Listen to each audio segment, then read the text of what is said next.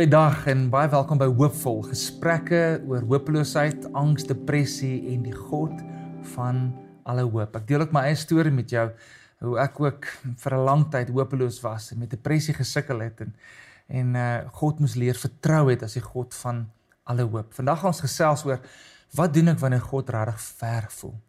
Romeine 15 ehm um, vers 13 sê hierdie God van alle hoop wil ons met hoop kom vul Ehm um, hy's die bron van alle hoop sodat ons hoop ook al hoe sterker kan word deur die krag van die Heilige Gees en en en daarom wil ek amper al vir jou 'n hoop inspuiting kon gee in ons in ons tyd saam vandag. En ek wil hierdeur begin deur vir jou te sê dat hoop is jou erfenis. In Christus Jesus is hoop jou erfenis.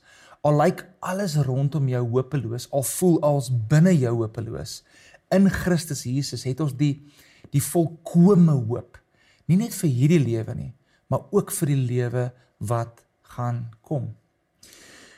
Um Rick Warren het gesê God is more concerned that we trust him than that we feel him.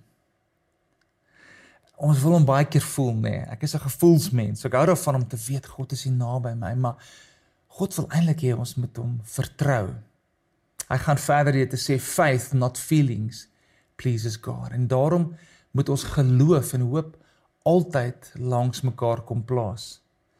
En ek wil vir jou net een of twee eenvoudige goed sê. Wanneer jy hopeloos is en jy's onseker waar jy hoop gaan vind, wil ek jou aanmoedig om die volgende te doen. Eerstens, vertel vir God presies hoe jy voel. Ek glo ons kan eerlik met hom wees. Ek lees die psalms en ek lees hoe hoe Dawid en Asaf en soveel van die ander psalmdigters soveel worsteling in hulle self gehad het, maar hulle was eerlik met God. Hulle het hulle harte voor hom uitgestort. Wees eg. En ek glo baie keer wanneer ons ons hopeloosheid in gebed voor die Here erken, is dit eintlik 'n teken van geloof. Hoor gou hierso wat sê Psalm 116 vers 10. Hy sê ek het geglo toe ek gespreek het. Ek is diep neergebuig. Sof okay, ek is diep neergebuig. Ek is eintlik nog onmoedeloos, hopeloos, maar hy begin dit te sê ek het geglo toe ek dit gesê het. Ek glo ons kan juis in ons gebede van moedeloosheid juis ons geloof voor die Here verklaar. Hoekom? Want ek gaan ons na hom toe daarmee. Ek glo nie twyfel is verkeerd nie. Die vraag is waarheen gaan ons met ons twyfel? Gaan jy na die Here toe of onttrek jy van hom af? Tweede ding is mag ek en jy fokus op God se natuur en dat hy nooit verander nie. En daarom is die woord van God so belangrik. In my eie stryd wat ek met depressie gehad het en angs en moedeloosheid, was die woord my diepste grootste anker. Party het ek letterlik net die woord gevat en al het ek dit nie geglo met my gevoelens nie, het ek geweet is die waarheid. En dan moes ek letterlik net daar sit en die woord oor my lippe bring. Ek moes dit praat, ek moes dit bid, ek moes dit spreek. Ek moes daarop mediteer, ek moes dit bepeins, ek moes dit oordink. Jy wonder dalk maar hoe kan ek die God eh, die die woord bepeins? Hoe kan ek daaroor dink?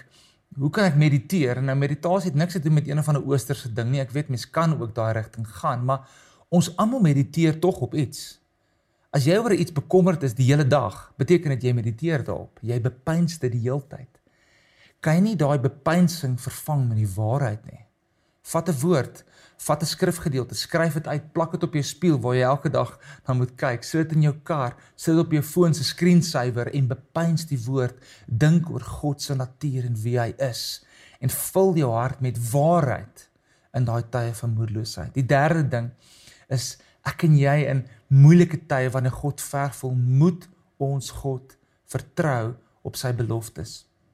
Jy sien, 'n goeie vriendskap is nie net gebou op emosies nie. Dit is gebou op waarheid en is gebou op beloftes wat God al vir so lank gemaak het. Ek onthou in my donker nagte het ek baie keer vasgehou aan woord van lank terug of of profeseë beloftes wat die Here vir my gegee het. Ek het in my joernaal gaan terugblaai en sê Here, maar het hierdie gesê en waar is hy nou? Ek voel dit nie, maar hier is die waarheid.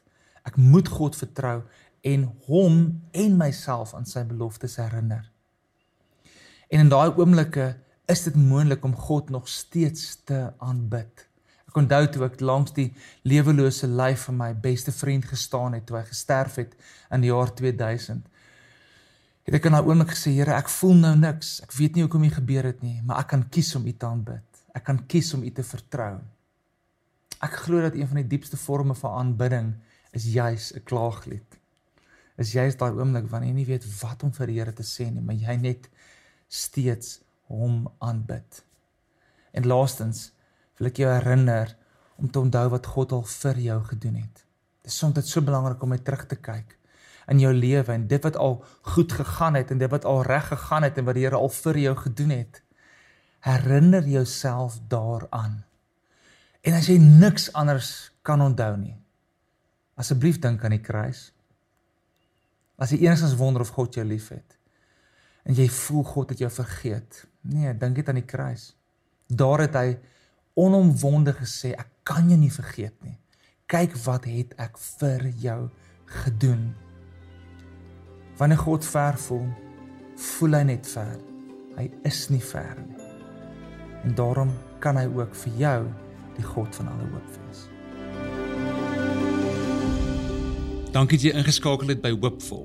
Vir verdere hulp, asseblief gaan besoek www.sakevdsiel.org om 'n Christen sielkundige se perspektief te kry op depressie en ook hulp hiervoor te kry. Of andersins kan jy inskakel by SADAG, South African Depression and Anxiety Group en hulle kontak by 080 045 6789